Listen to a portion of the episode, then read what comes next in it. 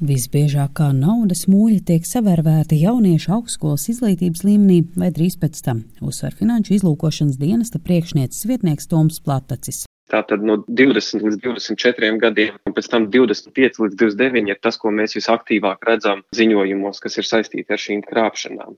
Nav tā, ka jaunieši ir ekskluzīvi naudas mūļi un nevienam citam netiek piedāvāti šie piepelnīšanās, kā to sauc, iespēju. Ir arī vecāki cilvēki, un tas ir pārsvarā no sociāli nelabvēlīgākas vides. Finanšu nozares asociācijas dati liecina, ka pērn Latvijā dažādās krāpšanas schēmās izkrāpti 11 miljoni eiro. Kur kāds upuris ir pats piekritis šos naudas līdzekļus pārskaitīt, tātad uzķēries uz kādu no krāpšanas schēmām. Varētu teikt, ka gandrīz katra no šīm schēmām ir saistīta arī ar to tipoloģiju, kas ir naudas mūļu izmantošana.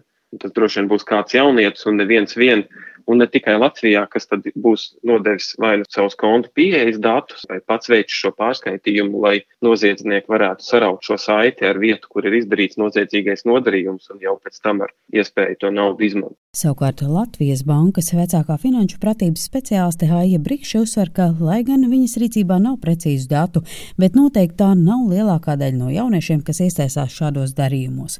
Ir daļa jauniešu, kuri brīvprātīgi pieņem šo piedāvājumu, un ir daļa, kuri salīdzinoši nejauši nokļūst noziedzīgā schēmā. Tomēr tas, kas ir ļoti satraucoši, ir tā tendence, ka aizvien vairāk jauniešu piekrīt kļūt par šiem naudas mūļiem, ja piekrīt iesaistīties noziedzīgās schēmās, kurās eh, notiek darījumi ar nelegāli iegūtiem eh, līdzekļiem. Šī problēma kopumā nav jauna. Par naudas mūļiem mēs dzirdam eh, jau, jau kādus gadus diezgan daudzus, bet tieši pagājušā gada otrajā pusē sāka parādīties aizvien jauni šie gadījumi, un arī valsts policija, apkopojot informāciju par pagājušo gadu, vērs uzmanību, ka šī problēma un ka šī tendence parādās eh, aizvien vairāk un aizvien biežāk. Finanšu nozares asociācijas krāpšanu ierobežošanas darba grupas vadītājs Luminor vecākais krāpšanas novērošanas speciālists Andrijs Šmits uzsver, ka bankām izskaidrot, kurš jaunietis ir iekritis krāpnieku nagos, nav tik grūti. Bankas jau savu izmeklēšanas ietvaros eh, ļoti bieži pamana, kad notiek vienas vai otras darbības šajos jauniešu kontos, kas ir viņām neraksturīgas.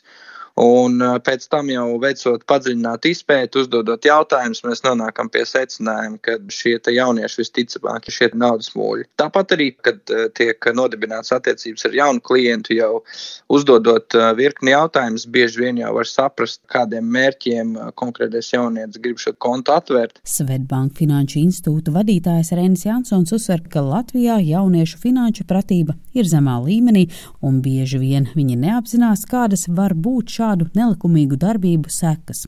Sliktākajā gadījumā tā ir krimināla atbildība, bet ne tikai, arī apgrūtinātas finanšu darbības. Vienmēr, ja upuris pasūdzās, ka viņam kāds ir nozadzis naudu, tad šis naudas mūls tiek noķerts. Un, ja naudas mūlis sadarbojās un pats ir ātri sapratis, ko ir izdarījis, tad, protams, tās sekas varbūt ir mazākas, bet klasiski banka aizslēdz kontu, tad parādās diezgan lielas grūtības. Tad, tad grūtības saņemt algu, jo darbdevējiem nav kur ieskaitīt, nevar aizņemties naudu, teiksim, klasiskā veidā. Var būt grūtības saņemt pabalstus, Un, protams, arī reputācija. Ja jaunietis ir krimināla atbildība, tad tā reputācija būs noteikti zināmas jomas un nozares, kurās jaunietis nekad nevarēs strādāt. Latvijas bankas eksperte Haija Brikša uzsver, ka piemēram 15-gadīgu jauniešu zināšanas par naudas lietām ir vidējas, ja salīdzina ar citām OECD valstīm. Tāpat laikā finanšu pratības veicināšanai Latvijas skolās tiek pievērsta liela uzmanība, bet ar to ir par maz. Viens no tiem lielajiem izaicinājumiem ir tas, ka 95% Latvijas šie paši 15-gadīgie skolēni norāda, ka informāciju par naudas lietām iegūst ģimenē. Un te sākas tas izaicinājums, ja ģimenē naudas prasme ir zema, tad tas var ietekmēt tālāk arī jaunieša attieksmi, prasmi, uzvedību.